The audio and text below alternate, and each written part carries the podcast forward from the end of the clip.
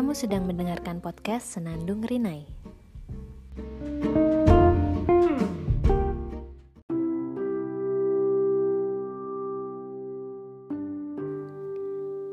Hai, selamat datang di Senandung Rinai.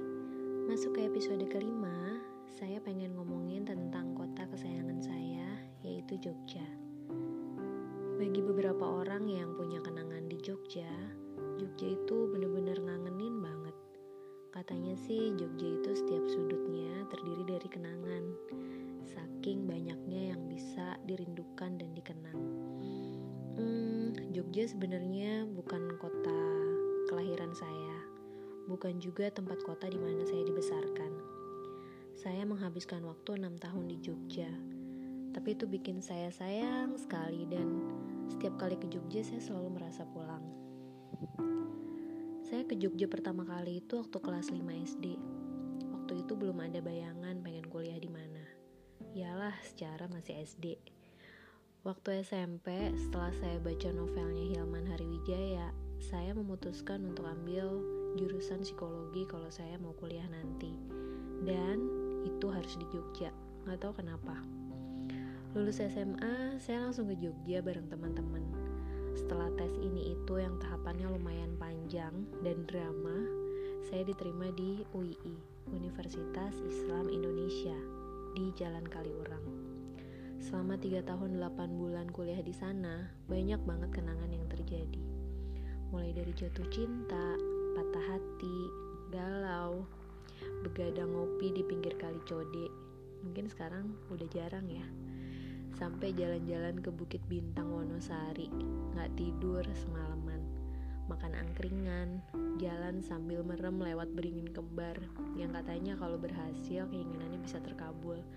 Dan saya nggak pernah berhasil dong. Dan hal-hal seru lainnya yang saya lakukan bersama teman-teman saya. Sampai saya juga pernah ngerasain gempa Jogja di tahun 2006 itu sangat dramatis banget sih ngerasain bencana alam jauh dari rumah dan baru sekali ngerasain oh yang namanya gempa tuh kayak gitu ya rasanya. Um, termasuk akhirnya saya bisa ketemu jodoh juga di Jogja. Nanti bagian ini saya ceritain terpisah kali ya. Setelah sempat kerja di Jakarta saya pun balik lagi ke Jogja. Adik saya juga mengikuti jejak saya untuk kuliah di Jogja. Sampai akhirnya saya benar-benar ninggalin Jogja adik saya setelah lulus lanjut kerja di kampusnya yang juga kampus saya sampai dia tutup usia. Tahun 2017 saya ke Jogja untuk liburan bareng suami. Ketemu almarhumah adik saya. Kita jalan-jalan senang sekali.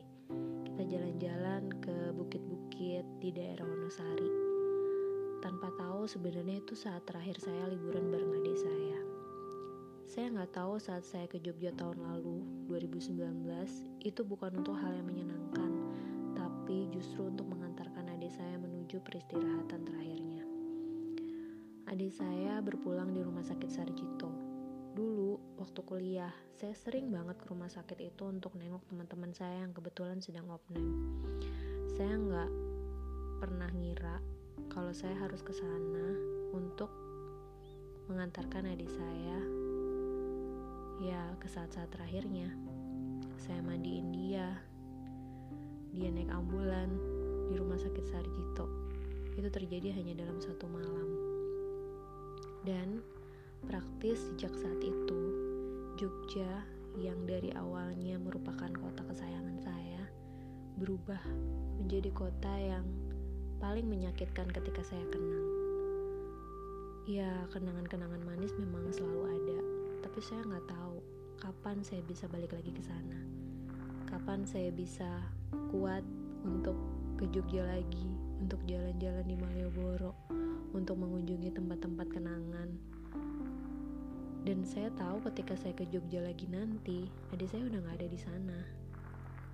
Padahal sejak tahun 2009 sampai 2018 saya ngerasa Jogja tempat saya pulang karena ketika saya ke Jogja saya masih bisa ketemu sama adik saya di sana.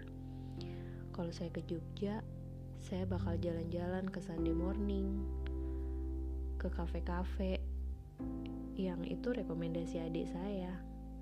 Nggak kebayang sih kalau nanti saya harus ke sana lagi. Apa saya tahan apa saya kuat? Ya semoga waktu menyembuhkan. Bagi teman-teman yang punya kenangan di Jogja memang Jogja itu ngangenin apalagi saat-saat sekarang saat-saat kita nggak bisa traveling ya semoga kita bisa kembali ke Jogja ya karena Jogja tempat kita ngerasa selalu pulang ada lagu terakhir untuk yang pada rindu Jogja dari Aditya Sofyan. Oke, okay, have a nice day.